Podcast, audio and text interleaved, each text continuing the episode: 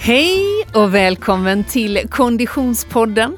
Vi är framme vid avsnitt 24 denna tredje säsong och jag som pratar heter Frida Zetterström. Vid min sida Oskar Olsson. Hej Oskar! Hej Frida! Hur är läget? Jo men det är så bra, jag fick sån eh, komplimang över min klädsel du trodde jag hade laddat för modepodden så jag Ja. bara sög åt. Bara, Värsta snygga skinnpajen har du på dig Ah, idag. ah, Alltså. ah. Ja, sen var jag lite orolig att du hade blivit förkyld men det var visst bara klor i näsan. Jajamän, det är mycket klor i 5000 meter så blir det liksom tätt i bihålor och allting men nu frisk som en nötkärna. Ja, det är underbart. Jag har faktiskt sprungit både idag och igår. Mm. Ja, men vad hände? Och Ja, så jag vet 10 inte. kilometer, det är, liksom, det är första gången sedan vi började podda eller? Nej, det är det faktiskt inte. Nej? Men, du får eh, outa de långpassen lite mer så jag blir impad. det är så jag ska imponera på Snart dig. får vi alltså. springa ihop. Ja, det, ja, det vet jag tusan. Ska vi ta det Mm, väldigt lugnt. Men du, det här med att springa är vårt fokus även i detta avsnitt. Ja, det är mycket, våren kommer, du vet, det är mycket gröna knoppar, det är varmt, det blir korta ben, det är mycket löpning nu alltså. Korta ben är det väl ändå inte? Jo, men man kan klä av sig sina långa vintertights liksom. Nu förstår jag vad Mm, du menar. I detta avsnitt har vi en gäst som alldeles strax ska få komma in här i poddstudion som är expert på allt vad eh, som heter löpning och framförallt på de eh, medel och de längre distanserna. Ja. Det ska vi fokusera på alldeles strax.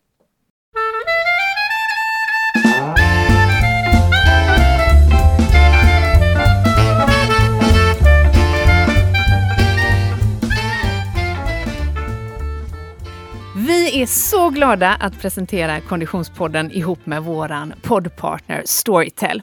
Och eh, Oskar, jag har ett boktips till dig nu som eh, alltså det här är bra. Det här. Det här Det är här. bra. Nu har jag ju boktipsat till dig nu ett antal gånger. Eh, alla titlarna hittar jag på storytel.com. Eh, men den här boken kommer att få ett uppsving just nu därför att den första svenskproducerade Netflix-serien är baserad på den här boken. Eh, boken heter Störst av allt. Och jag, den, jag känner igen den, eh, eh, det namnet. Mm, störst av allt är ju då som sagt namnet på boken och också den serien som pågår just nu. Eh, författare är Malin Persson eh, Giolito. Och det här är en eh, rättegångshistoria. Det är eh, överklassungdomar eh, ifrån eh, Djursholm som är med om ett... Nu ska jag inte avslöja för mycket. Jag har ju lyssnat på den här redan. Så att, eh, eh, ehm, men man, man befinner sig både i incidenten och det som leder upp till själva rättegången. Eh, och parallellt då så kan man, om man vill titta på Netflix-serien, lyssna på boken på storytel.com. Och vi är ju minst lika glada att ha med våran poddpartner Asics hela den här säsongen. Och Oskar, nu närmar ju vi oss någon form av crescendo på vårt eh, eh sponsorsamarbete med Asics. Mm. För nu närmar sig Asics Stockholm Marathon. Ah, så häftigt. Mm. Den första juni är det dags i Stockholm och vi från Konditionspodden kommer ju vara där. Lite olika roller. Lite. Lite som vanligt. Eh, Jag kommer att ha mikrofonen med mig, precis som vanligt. Du kommer att springa. Ah. Hur känns detta? Ah, men det är så coolt. Det är det, va? ska bli jättekul. Eh, Det kommer säkert vara en strålande solskensdag som alltid och sen få springa runt där bland en massa löpare och eh, höra hur de mår och hur det går. Mycket spännande. Vi ser fram emot detta. Och om du som lyssnar känner, nej, Asics Stockholm Marathon, det är min chans. Du kanske har missat anmälningen, du kanske liksom inte riktigt har fått den där sista gnistan ännu.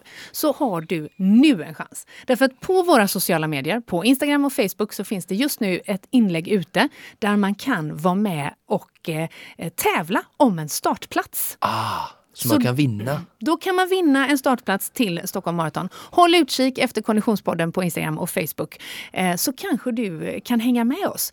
Och dessutom, Oskar, Hur gör man för att vinna?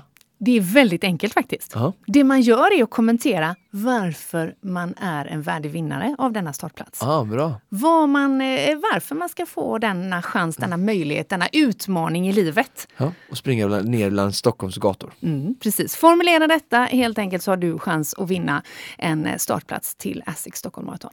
Men det är också så Oskar att vi är ju lite på jakt här och nu efter eh, eh, dig som lyssnar på Konditionspodden. Du som redan hade Asics Stockholm Marathon i din tävlingskalender, redan har säkrat din startplats och liksom befinner dig i ditt träningsupplägg. dig vill vi gärna komma i kontakt med. Mm.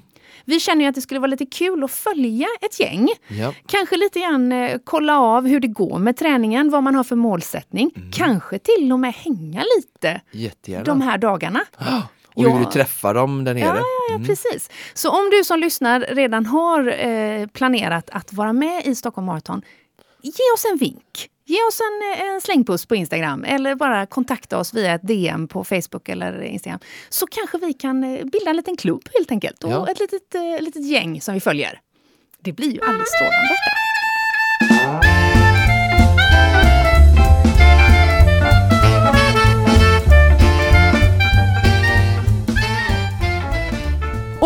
Den eh, fantastiska programpunkten eh, Producent Niklas träningsvecka blir i detta avsnitt något utav en profetia, eller hur Niklas? Ja, eftersom den inte har hänt än.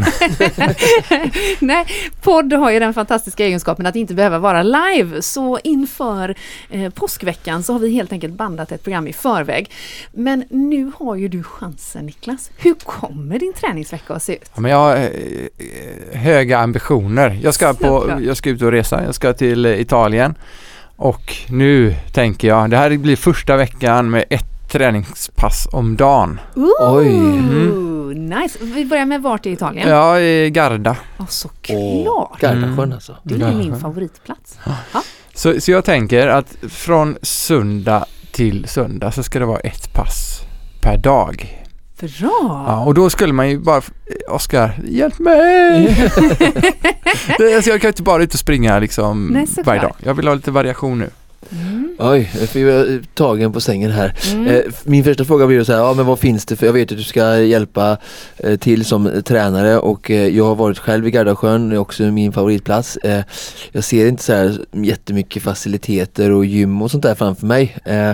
Så att eh, då tänker jag att men det kanske är varmt i sjön så att Nej, eh, det är det Nej, det är det inte det är heller. iskallt. Det är, det en alpsjö. Okej. Och det är som tränare som inom segling. Ja, precis. Ja, Men så jag tänker att det är så mycket kondition. när jag var där i juli var det jättevarmt men det är skillnad alltså på april och juli då? Det är det och nere? det är ett undantag att det är varmt även i juli faktiskt, i just Gardasjön. Aha.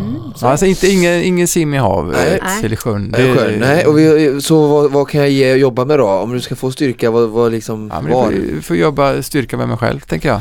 Just det, Eller Oskars eh, corepass, tänker jag ta med mig. just det. Mm. Och sen eh, mycket löpning. Jag hoppas hitta något gym. Och jag har lite så här tanke, eh, borde gå och hyra en schysst cykel där nere. Just det. Ja. Sen är det väl inte omöjligt att du skulle kunna hitta en simhall i och för sig, tänker jag. Nej, det är möjligt. Jag har inte googlat på det faktiskt. Nej, göra. det hade ju varit bra. Annars tänker jag liksom eh, varannan dag löpning, varannan dag styrka då blir ju bra. Ja. Eh, och sen får du väl värma upp med lätt löpning och sen som du säger Oscars corepass och sen eh, får vi fixa några stycken eh, hopp styrkeövningar då, plyoträning är ju väldigt bra att använda den egna kroppsvikten för ökad belastning när man inte har tillgång till några vikter. Och plyoträning för det otränade örat.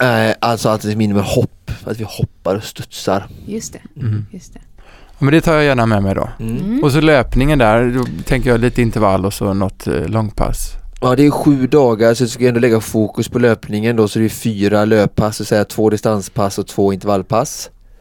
Eh, så tar vi ett kortare långpass och på kanske 10-12 och sen ett längre långpass på två timmar om du får till det. Och sen två intervallpass, ett med korta intervaller och ett eh, tröskelpass då med kanske 30-40 minuter total intervalltid. Exempelvis 4 gånger 8 minuter. Men typ tusingar eller?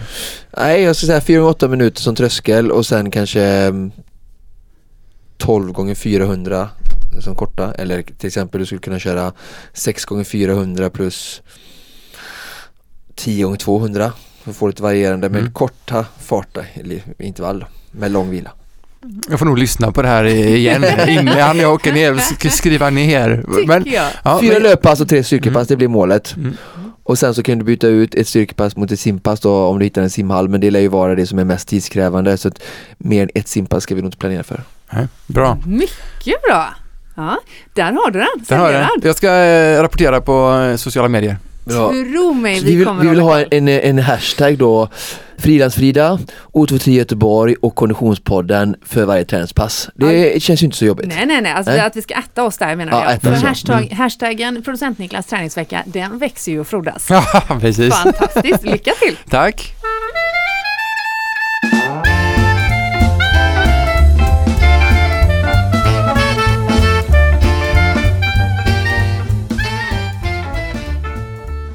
Hej och välkommen till våran gäst, nämligen Johan Wettergren. Hur är läget? Tack så mycket. Jo då, det är bra. Det är eh, ganska tidig morgon så att eh, jag är, jag är pigg.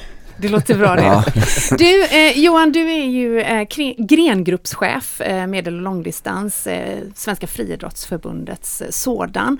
Eh, när du skulle vara här i morse så hade vi egentligen satt tiden till kvart över nio och tio över nio så kom det ett sms. Mina adepter var något långsammare än beräknat, jag kommer 9.30. ja, precis. Det är skönt att kunna skylla på dem när, när det är mycket trafik i stan. Ja. var det så enkelt? Nej, det var, det var en kombination kan man väl säga. Det var faktiskt ett träningspass i morse som jag var på men, eh, men också lite trafik sådär inne i stan. Ja. Men du, eh, en skulle ju kunna drista sig till att tro att en grengruppschef eh, inte så mycket fysiskt håller på med träning, men det, det gör du Johan. Eh, ja, det är faktiskt lite både och det där. Min eh, roll som grengruppschef är en halvtidstjänst. Eh, så jag och eh, min kollega Ulf Friberg jobbar då med det som kallas prestationscentrum för medel och långdistans. Eh, vi har ett uppdrag att eh, helt enkelt supporta utveckla medel och långdistans i Sverige. Eh, befintlig elit och eh, vår förhoppningsvis kommande elit. och Se till att vi har ett eh, starkt landslag om tio år också. Eh, Men det innebär att jag har ju ytterligare några timmar på dygnet så det ägnar jag åt att vara tränare då. Så det är inte i min roll som grengruppschef som jag är tränare. Just det. Men om vi, om vi tittar på, på eh, eh, de här distanserna, medel och långdistans. Hur mår svensk långdistans idag? Eh, väldigt skönt att, att vara grengruppschef och kunna säga att det går väldigt bra just nu. Ja, det förstår jag. Eh, vi har fått ett lyft senaste åren eh, i svensk löpning. Eh, medel långdistans då från 800 upp till, eh, till maraton inklusive terränglöpning. Eh, där vi eh, blir bättre och bättre. Ehm, toppen, den absoluta toppen är kanske bättre än någonsin Mm. på många utav grenarna. Eh, sen om man tittar en bit ner lite djupare i statistiken så är det inte riktigt samma toppbredd som det var på det glada 80-talet. Eh, men toppen är absolut bra och i vissa grenar, kanske framförallt kvinnlig långdistans så är det både absoluta toppen och toppbredden är bättre Mm. än någonsin. Om vi blir specifika, var är vi vassast? Eh, alltså vi, vi slår många svenska rekord. Om vi Mm. har det som en måttstock Absolut. så eh, har vi gjort det på 800 meter damer, herrar, eh, 10 kilometer landsväg, halvmaraton landsväg för eh, eh, herrar nu här eh, nyligen. Eh, damer hinder var inte så länge sedan vi slog, eh, vi säger jag men Ja, det är bra som- det. det säger vi. Eh, slog svenskt rekord. Så det är liksom hela spektrat egentligen Ja. från eh, 800 upp till maraton. V- Hur kommer det sig att det, det, vi ser den här utvecklingen just nu? Eh, jag tror att det är flera faktorer. Eh, det är, eh, dels finns det en ja, men samsyn på hur man blir en bra löpare Mm. i Sverige idag. En samsyn säger du, mellan vilka aktörer då? Eh, främst tränare. Ja. Eh, det är de någonstans som sätter agendan av eh, vad som ska göras. Eh, och eh, där uthålligheten är en viktig del. Mm.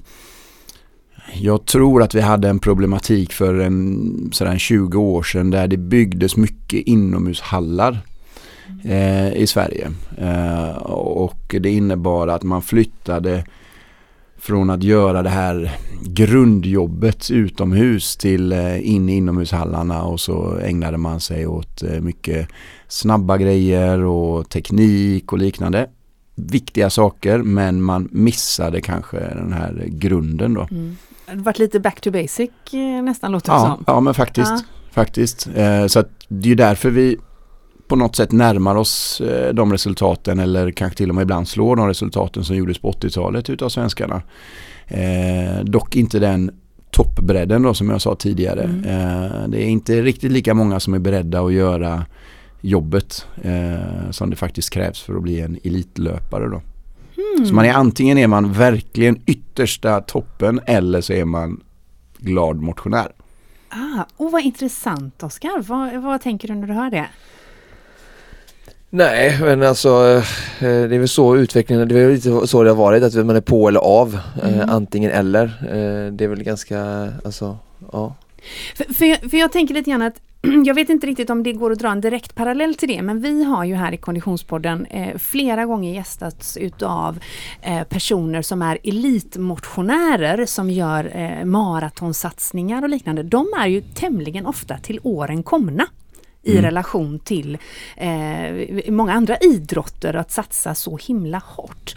Eh, finns det liksom en, en risk att man tappar talanger om inte klubbarna fokuserar liksom tidigare på just maratoninriktning? Alltså förstår du vad jag är ute Ja, jag, efter? är med vad du menar. eh, Jag skulle nog säga att det är både och där. Alltså det, det, på ett sätt förlorar vi, eh, eller riskerar att förlora talanger. eh, Det, det, vi har ett problem med idrotten överlag idag i Sverige, att det blir en för tidig specialisering. Ja.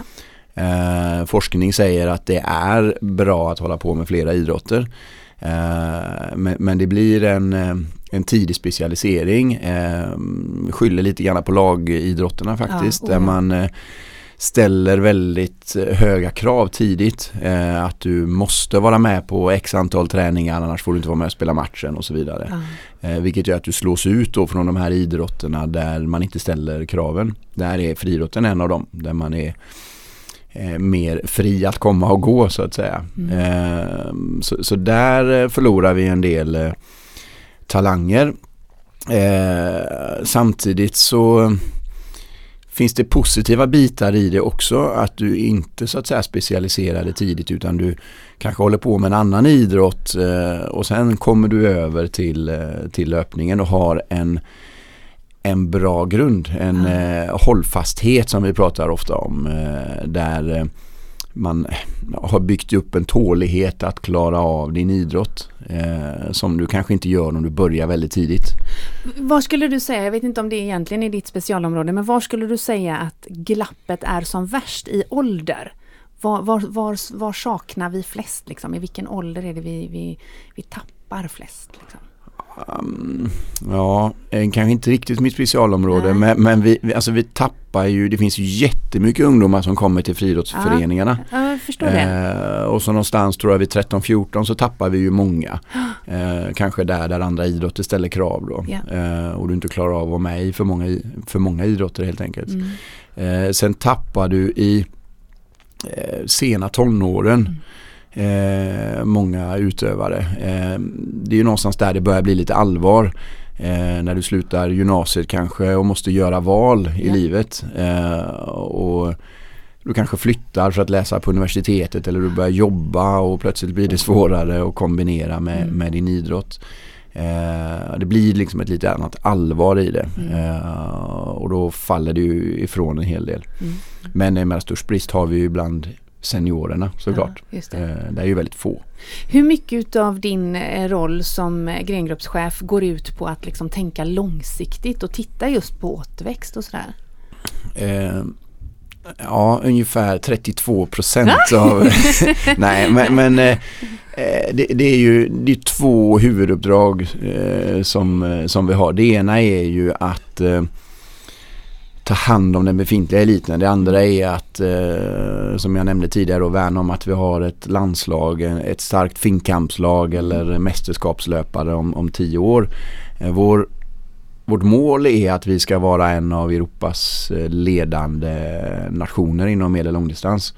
Eh, och det kommer vi inte nå nu i år och nästa år utan det är ju någonting vi måste bygga på sikt. Mm. Så att, eh, mm, Men det är genomförbart? Absolut. Mm, såklart att det. Eh, om vi tittar på de då som ska, som ska göra just detta, som ska ta oss som, som nation till eh, en, en så framgångsrik löparnation. Hur, eh, hur ser egentligen en, en träningsvecka för en elitlöpare ut? Om man nu pratar maratondistans då, vi pratar långdistans. Mm. Hur, hur ser en träningsvecka ut? Maraton. Eh, den börjar väldigt tidigt på måndag morgon och slutar eh, någonstans vid söndag lunch. Just det. Eh, nej men det, det, det ser det ser olika ut vid olika tidpunkter på året. Mm. Eh, I vilken så att säga, träningsfas du är. Eh, Vi kan börja med en, en tilläggsfråga där. Ja. Eh, Jobbar eh, svenska maratonlöpare?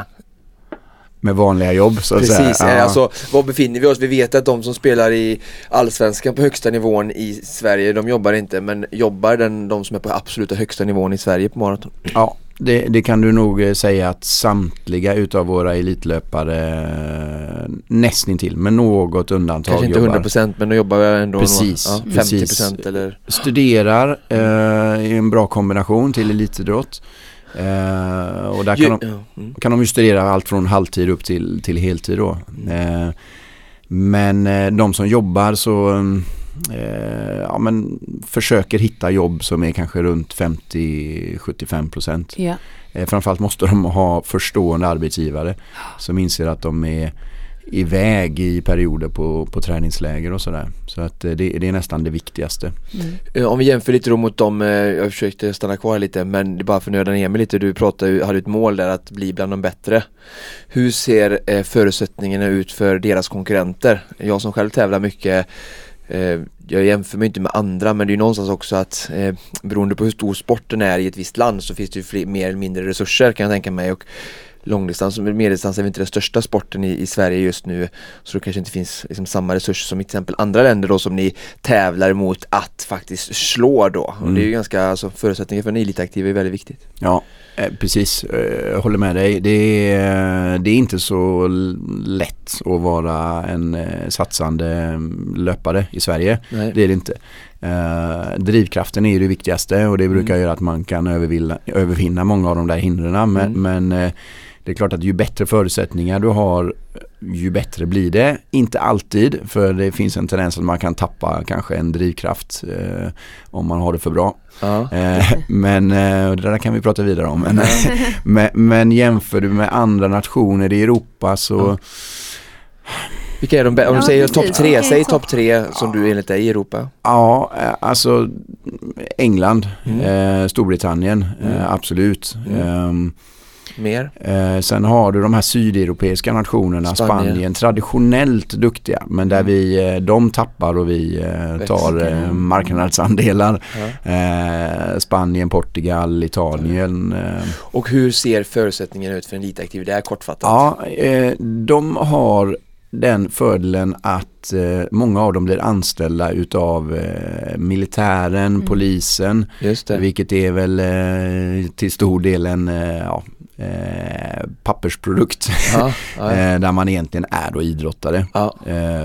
och vill sig riktigt väl och du så att säga, får vara kvar i det här polis eller militärlaget så eh, har du faktiskt en livstidsanställning eh, eh, sen då som riktig militär eller, eh, eller polis.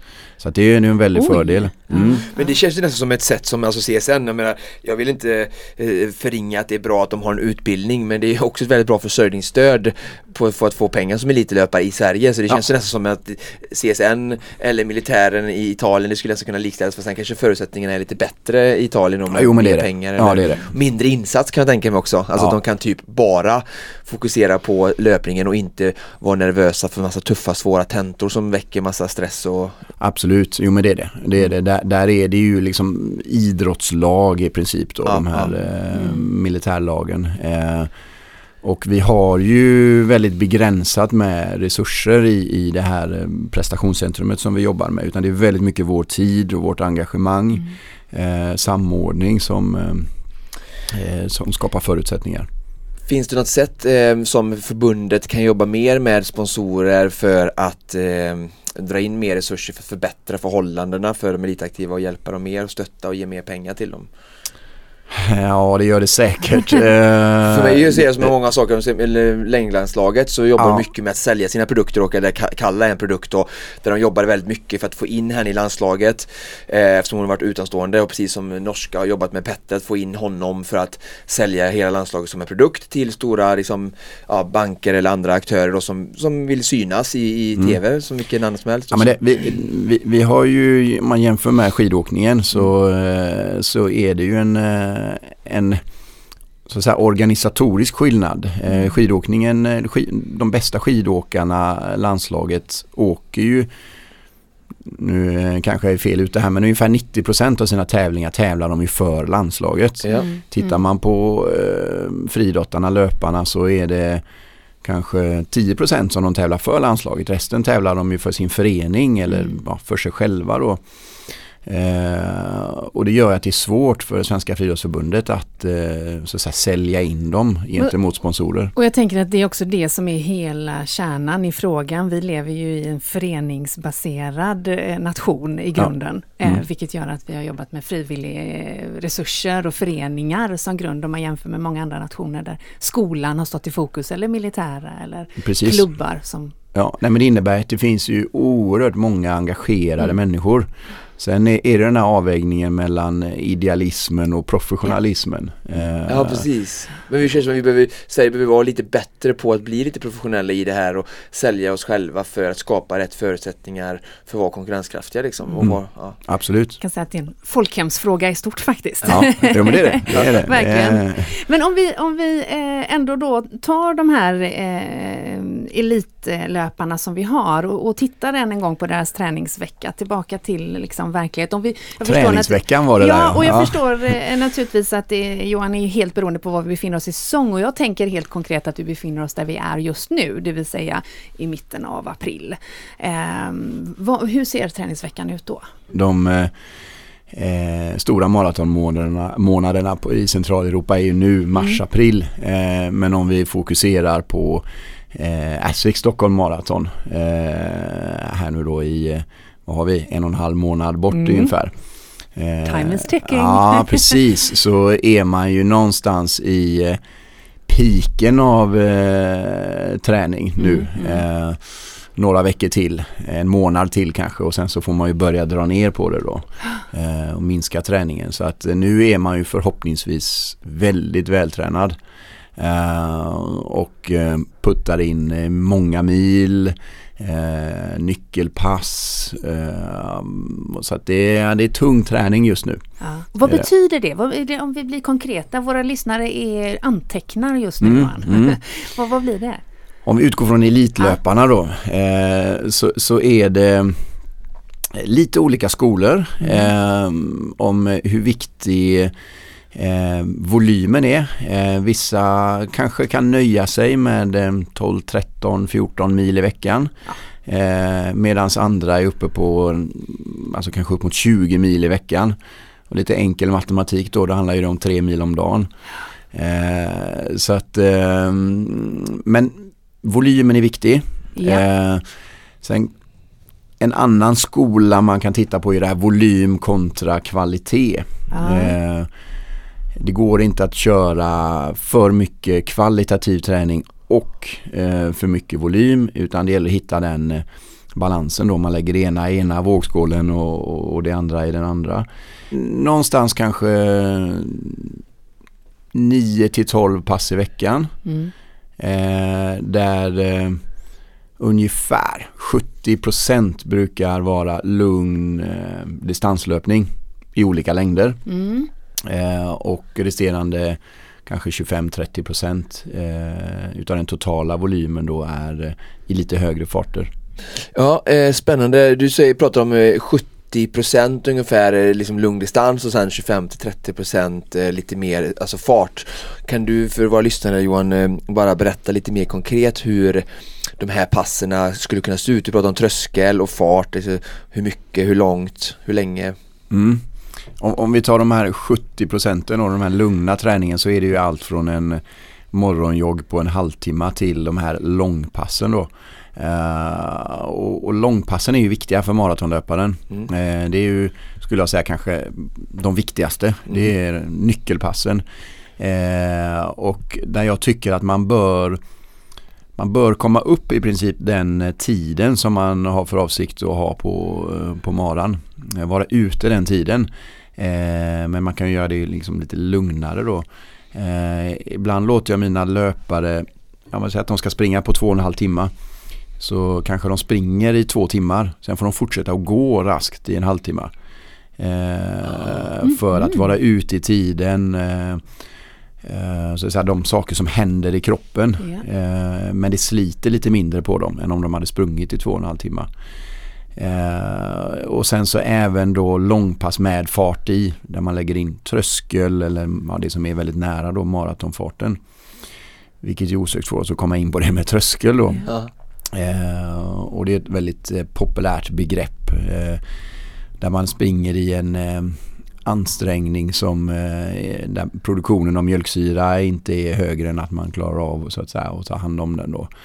Eh, och det ser ju olika ut för olika utövare. Ehm, men eh, det gör man då i förhoppningsvis så stora volymer som möjligt. Eh, man tränar upp sig för att klara av det eh, det absolut hetaste just nu inom, inom löpningen är och det kommer ju mycket från Norge och Ingebrektsen-bröderna och sådär. Man pratar om dubbeltröskel. Eh, där man springer tröskel på eh, morgonen, förmiddagen och sen så gör man det på eftermiddagen också. Eh, vi gör det inte jätteofta men eh, några av mina löpare, idag faktiskt så har vi en, en sån dag där de kanske springer 8-10 kilometer tröskel på förmiddagen och sen så springer de eh, tröskel i intervallform på eftermiddagen, kanske en 8-10 kilometer till då. Och, och det, det, man vill uppnå då är alltså? Man vill eh, förflytta den här tröskeln ja. eh, så att man kan springa snabbare. Eh, utan att producera för mycket mjölksyra. Skulle man göra, uppnå ett bättre resultat av att göra det då på dubbeldag, alltså göra två pass på samma dag än att göra det tisdag, torsdag då menar du? Är det det de har sett effekter av? Ja, de, eh, precis. Ehm, och ehm, alltså du retar ju systemet extremt en, mm. en sån dag. Mm. Ehm, sen får man ju vara försiktig med vad man gör kanske dagarna efter då. Självklart. Du kanske kommer upp i en total volym av 25 kilometer tröskeln mm. eller 20-25 kilometer en sån dag. Och med lite uppvärmning och ner också är du över 30 kilometer så det är en tuff dag. Och det gäller verkligen att inte springa för fort då. Eh, för ligger du lite över den där tröskeln så är det ju, då tränar du ju bra träning men du gör någonting annat. Eh, och någonting som sliter mycket mer på kroppen. Eh, och det där som ligger lite över den där tröskeln då är det vi kallar kvalitetsträning eller eh, högkvalitativ träning där det är mer så VO2 syreupptagningsförmåga som man, man tränar eh, i eh, intervallform i något form. Mm. Eh, kan vara tusen meter eller eh, fem minuter eller två minuter eller något sånt där. Jag varierar min träning väldigt mycket. Eh, så att mina aktiva vet väldigt sällan vad det är de ska göra när de kommer till träningen. Eh, de vet att de kanske ska köra tröskel men inte vad och, och sådär. Jag tycker det är väldigt viktigt, viktig del. Dels för att det gör det roligare både för mig och, och utövarna men, men också för att de ska vara förberedda på, på det oförutsedda. Mm. kunna hantera nya situationer. Och vi har så många Konditionspodden-lyssnare där ute nu som bara Jag vill också träna för Johan Wettergren.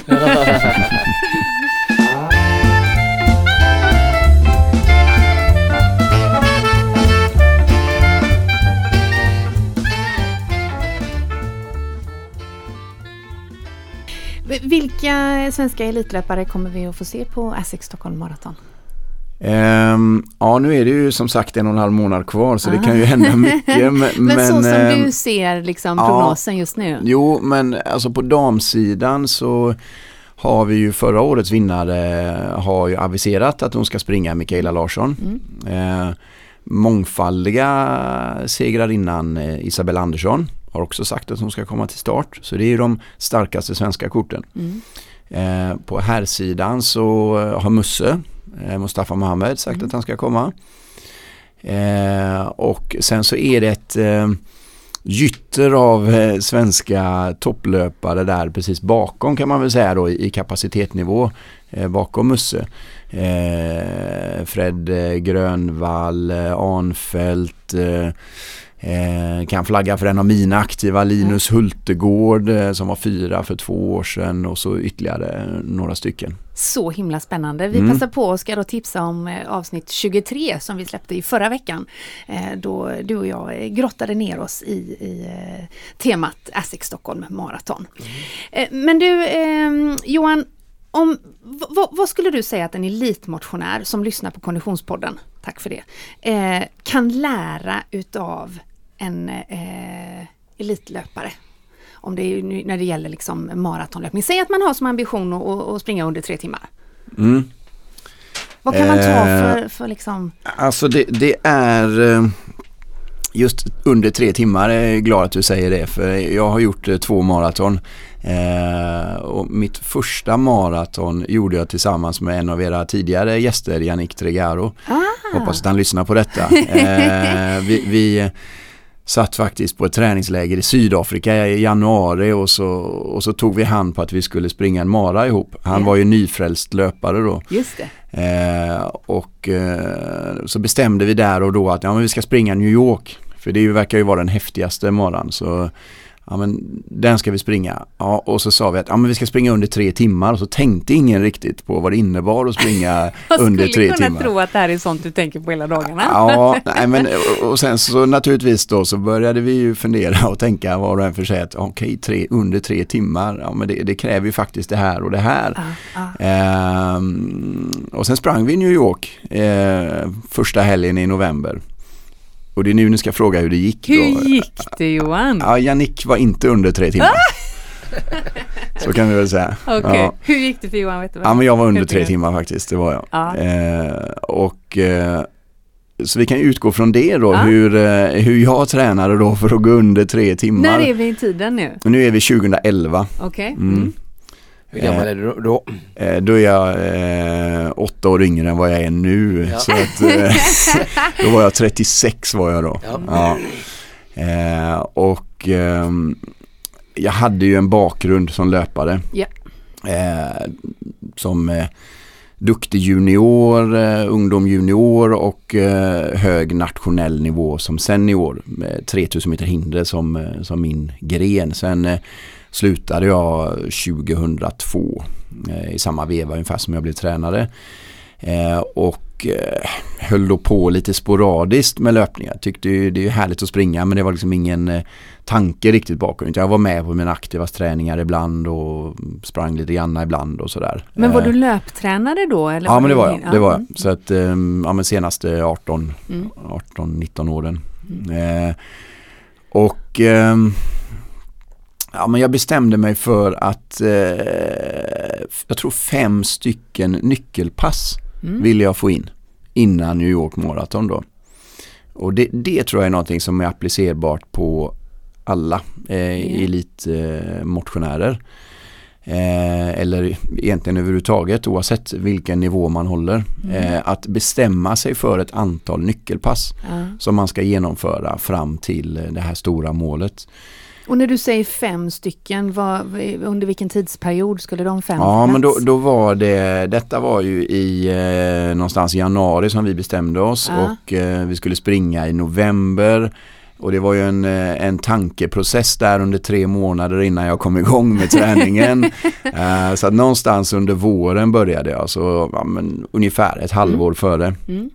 Uh, så då delade jag väl upp de här uh, fem nyckelpassen om jag minns rätt. Mm eh, jämnt fördelat mm. under, under tiden. Eh, nu kommer jag inte ihåg dem i detalj men för mig var det eh, jag tror att jag skulle ha ett pass på över 35 kilometer. Mm. Eh, jag skulle ha ett pass över 30 kilometer i den tänkta tävlingsfarten yeah. som jag skulle ha. Eh, jag skulle ha ett pass över 30 kilometer på asfalt Eh, och det var viktigt för mig för att jag springer nästan alltid i skogen. Ja. Eh, och sen skulle jag ha ytterligare två pass någonstans eh, 25-32 kilometer någonting. Eh, det, det, var det jag bestämde mig för då. Mm. Utifrån den eh, utgångsläget som jag hade. Det passet med 30 km tävlingsfart, det måste varit väldigt sent i den här månadssekvensen då eftersom du borde vara tämligen som bäst tränad när du ska utföra ett sånt pass. Ja, det var det. Eh, jag tror att det var, eh, om det inte var det sista utav nyckelpassen så kanske det näst sista. Eh, det gjorde jag och Jannik ihop på Göteborgs maraton. Eh, ja, mm. precis. Så särleden ut och tillbaka och en bit ut igen och, och sen hem. och det var en bra fingervisning på var man stod då. Ja. Eh, så man verkligen kände att man var rätt ute. Och det blir 4.15 då? Ja, mm. precis. Nu kommer jag ihåg ett av de andra nyckelpassen här faktiskt också. Eh, nu kommer det tillbaka till mig här. Jag är nästan lite sugen igen. Eh, intervaller gjorde vi i, eh, eller jag, eh, 10 gånger 2 kilometer och sen 2 gånger 1 kilometer. I tävlingsfart? I Nej, snabbare än tävlingsfart. Så det var nog mer... Eh, Fyra fart? Nej, jag nog faktiskt låg nog ner på 3.45 fart. Då. Oj. Så att... Eh, Hur körde du 10 gånger 2 plus 10 gånger 1 i ett samma pass? Nej, 10 gånger 2 och sen 2 gånger 1 kilometer. Så att eh, 22 kilometer i intervall Aha. totalt. Eh, och så lite uppvärmning och nerjogg på det så blev det ju närmare 30 kilometer. Ja. Gud, det var det passet jag gjorde i måndags. Fast inte i 3.45 utan det var 3.59. ja, men det, det, roliga med, som tränare är det ju det är ju roligt att prova själv på något mm. sätt. Eh, som jag sa, jag var ju inte maratonlöpare eh, men en, min första aktiv som kom med till ett mästerskap var en maratonlöpare. Och så här i efterhand eftersom jag har lite bättre koll på nu vad maratonlöpning innebär så insåg jag att det var inte, kanske inte riktigt så man skulle träna. som jag lät eh, Karin Schön då som hon heter träna. Men det blev väldigt rätt ändå. Eh, för man måste alltid utgå från vad individen har för bakgrund och vad man har för eh, liksom personlighet och, och, vilka styrkor man har och, och svagheter. Eh, så man kan inte träna alla aktiva på samma sätt. Nej. Utan man, man, måste jobba med eh, bitar som man är mindre bra på. Mm. Mm. Eh, så att jag, jag, har ju utvecklat min kunskap om, om maratonträning sedan dess och sedan jag gjorde min, min egen eh, maratonsatsning eh, säger jag här nu men det, det var det inte riktigt. Men, eh, men det var då 2011 ja. New York Marathon. Eh, om vi nu flyttar fram klockan åtta år i tiden ja. så vi hamnar på 2019 mm. där vi är nu. Hur ser en liksom, normal eh, dag, vecka ut i, i ditt liv eh, nu eh, Johan? Både liksom, arbetsmässigt men också träningsmässigt.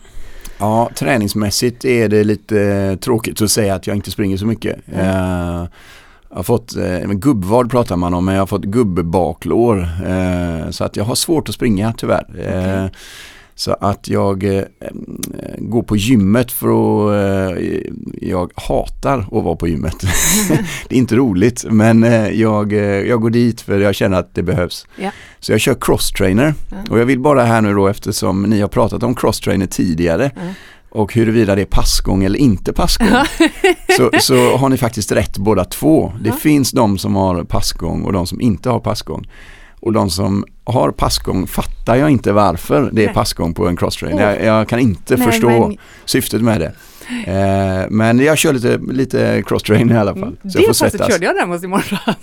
ja, bra, bra. ja, okej. Okay. Men det, så, så det är mycket gym för din del? Nej, inte mycket, men Nej. några dagar i veckan ja. i alla fall. Så mm. går jag och kör lite cross-trainer och, mm. och eh, lyfter lite grann. Mm. Eh, sen har jag en hund, så jag är ute och får frisk luft mm. och går det är härligt. Men hur ser det arbetsmässigt ut? Eh, du berättade att du lägger del av din tid som grengroppschef och del som tränare. Ja, eh, väldig frihet i arbetet. Eh, vilket ju innebär att man börjar på måndag morgon och slutar på söndag kväll. Eh, men eh, kan styra över den tiden väldigt mycket. Eh, så några gånger i veckan jobbar jag ihop med min kollega då. Mm. har ett kontor i Friidrottens hus. Eh, och eh, sen är jag på träningar så att säga med aktiva kanske ja, men ungefär tre gånger i veckan. Mm. Eh, oftast när de kör sina lite tuffare pass som är med. Sen eh, gör de eh, sina distanspass själva. Mm. Mm. Du, eh, vi pratade tidigare om att... Hur många elitaktiva har du? Förlåt att jag avbryter Frida. Ehm, det är ungefär tio stycken. Mm. Men eh, jag förstår inte riktigt, om vi, om vi kan vi försöka separera bara det så lyssnarna förstår. Du, du har ju 50% där med Ulf. Ansvarar ni för, har ni liksom som 10 stycken här i Göteborgsområdet som tillhör landslaget och sen så har du ett annat uppdrag då av vilken klubb, vet inte ens, eller tränar tränare, är du privat eller är du en klubb anställt dig eller? Ja, alltså om vi tar det här prestationscentrumet då så är ju det för hela Sverige. Ja, Eh, så som att, du ansvarar för? ja, så vi, vi servar hela Sveriges löpning Mm. eh, och försöker utveckla eh, aktiva och deras tränare. Så där är ju inte rollen att träna dem. Nej, utan inte, de, inte vara på plats och stå med klockan och 10 000 Precis. så här, klara för att gå. Inte så. utan de aktiva har ju sina egna tränare. Ah. Sen mm, min grupp, eh, mina aktiva då som jag tillsammans med min tränarkollega eh, Rickard Mattsson Ja. eh, har. De eh, representerar tre olika föreningar här i Göteborg. Ullevi, Sävedalen och GKIK. Mm. Och de tre klubbarna har anställt dig eller anlitat dig så på något Ja, eh, på, på något sätt där. Ja, Ja, sätt. Ja. ja, Och där har du tio stycken aktiva som Ja. mer då närvarar fysiskt Precis. och hands-on. precis. Men det är ju lite också, det är ju inte bra att, eh, jag tycker det finns ju många tränare ute i landet som inte har din roll. Men det är ju ganska bra att du får en inblick och alltså eh, i båda och, alltså, för de kan ju vara ämne, du hittar folk där ute som är, det kan ju vara positivt för din roll eh, på prestationscentrum att vara tränare och se ute vad som händer och vilka aktiva som finns. Och, Ja, absolut. Jag menar, det, det är ju en av våra stora bitar är ju att följa upp och, och, Mm. och stötta de eh, tränare och aktiva som vi har och, och kanske framförallt då juniorerna. Eh, och det är väldigt roligt att jobba med just den biten. Eh, seniorerna någonstans har kommit så långt. De har sin, Mm. Eh, sitt tänk och sin filosofi av eh, hur de vill träna. Eh, juniorerna och deras tränare kan man vara med och påverka på ett annat sätt och förhoppningsvis bidra med erfarenheter och, kunskap. Hur gamla är dina aktiva? Ehm, de är, um, yngsta är, ska vi se, 23. Mm. Äldsta är, ska vi se, Charlotta Fogberg är eh, 34. Mm. Okej. För, för vi sa tidigare att eh, många av de eh, maratonsatsande eh, elitmotionärer som Oskar och jag möter i, i Konditionspodden är, är lite äldre. Mm. Vilken ålder skulle du säga att eh, en långdistanslöpare är som bäst? De, de flesta, ja, de bästa är oftast eh, någonstans runt 30-strecket om vi Ja. pratar om absolut bästa. Mm. Eh, sen är det det är ju många som börjar som du säger lite senare eh, och faktiskt når väldigt hög nivå. Ehm, så att eh, det, det beror lite på hur länge man har hållit på. Eh, Mm. tittar man på de östafrikanska löparna så är de ju lite yngre.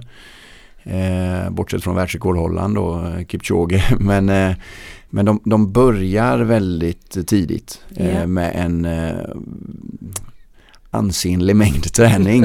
eh, vilket gör att de når ju en peak eh, ganska tidigt eh, jämfört med eh, våra om säger, europeiska eh, löpare.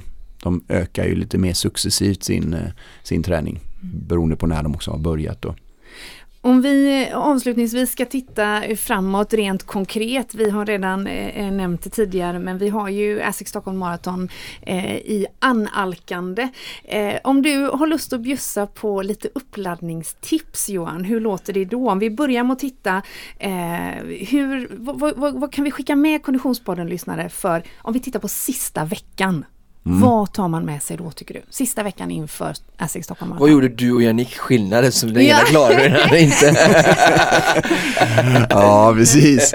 eh, nej, men, men sista veckan så eh, det man främst kan göra är för mycket. Eh, Ja. Det ska man passa sig för. Man har gjort jobbet när det är en vecka kvar. Mm. Det gäller att bara göra lite göttiga grejer på slutet. Eh, hålla igång kroppen. Eh, men all träning, du har liksom utvecklat alla bitarna har du förhoppningsvis gjort när det är en vecka kvar. Eh, så att risken är bara att man gör för mycket sista veckan. Men eh, eh, därmed inte sagt att man ska vila helt utan man, man hålla igång men verkligen dra ner på träningen. Alltså du kan dra ner om vi säger de här elitlöparna som kanske springer 15 mil eh, så kanske sista veckan blir en, runt 10 mil. Eh, och då är det ändå inkluderat de här fyra milen som du springer då på, själva eh, tävlingen. på själva tävlingen. Ja. Så att det, det, man drar ju ner klart på, på träningen. Eh, sen är det viktigt att förbereda sig, tänk, försöka tänka på alla tänkbara scenario som kan hända. Mm. Eh, du ska inte göra någonting nytt på slutet som du inte har gjort tidigare. Det innebär att du måste ha testat de kläder du ska springa i. Ja. Eh, och då måste du ju ha en tanke kring vilket väder det blir. Mm. Det vill säga du måste kolla vad det blir för väder. Eh, kan ju ändras på slutet men ofta ser man ju ändå i prognoserna ungefärligt vad det blir. Så att eh, spring inte bara i eh, regn och Göteborgsväder utan spring även i värme om du kan innan så du är förberedd på det. Eh, hur tänker man kring vätska, vätskeintaget? Det måste man också ha tränat på. Eh, vilken sportdryck är det som ve- serveras på loppet? Eh, testa och spring med den. Eh, och sen ha ett tydligt mål för, eh, för vad du vill prestera. Eh, räkna ut vilken fart blir det per kilometer. Håll dig till den farten eh, när du springer och ha tränat i den farten. Eh, och så ska man ju förhoppningsvis ha gjort de här träningspassen på asfalt om man inte det. gör det Mm. eh, annars. Så att eh, allt tänkbart. Eh, extra eh, hårsnodd om, eh, med sig om extra säkerhetsnålar till nummerlappen eh, så inte det börjar fippla med det inför starten om någonting försvinner eller går sönder. Så att eh, allt det där, laddat eh, batteriet i klockan, allt, allt man kan tänka sig Mm. och förbereda. Jag älskar maraton som coach. Det är de här medeldistansgrenarna, de lämnar man liksom de aktiva när det är en halvtimme kvar. Mm. Eh, och så kan man inte göra så mycket men maraton är där kan man vara med liksom hela tiden. Jag, eh, sist jag var uppe för två år sedan på eh, Asics Stockholm Marathon då så eh, jag tror att jag var på 13 ställen. Eh, och langade och hejade och sådär till, till mina aktiva. Eh, mitt eh, sån här stegrekord i telefonen, eh, sån här hälsoapp eller vad det är, det, det är från eh, den dagen. så så jag tycker det är underbart, liksom, logistiken och att kunna vara med under loppet på eh, maraton. Fantastiskt. Ses vi där uppe i år? Ja, det kommer vi göra. Ja, det är fantastiskt. Mm. Du, eh, Johan Wettergren, tack så hemskt mycket för att du gästade Konditionspodden. Tack själva. Tack, jätteroligt att vara med.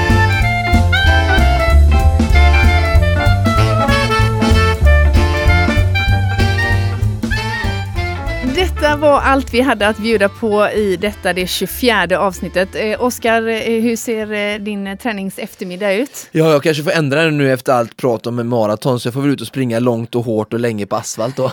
Eller hur? I nästa veckas Konditionspodden, alltså i avsnitt nummer 25, då gästas vi faktiskt av en av Johans adepter, Oskar. Ja, jättespännande gäst verkligen. Charlotta Fogberg, någon som jag har följt länge och precis gjort sin transition från 300 meter hinder till en extremt eh, imponerande debut på, på maraton och halvmaraton. Eh, så ska vi så kul att få, få höra vad hon har att berätta om detta nästa vecka. Verkligen, stay tuned helt enkelt till nästa veckas Konditionspodden. Precis som vanligt så produceras Konditionspodden av Fredag. Connect Friends with People.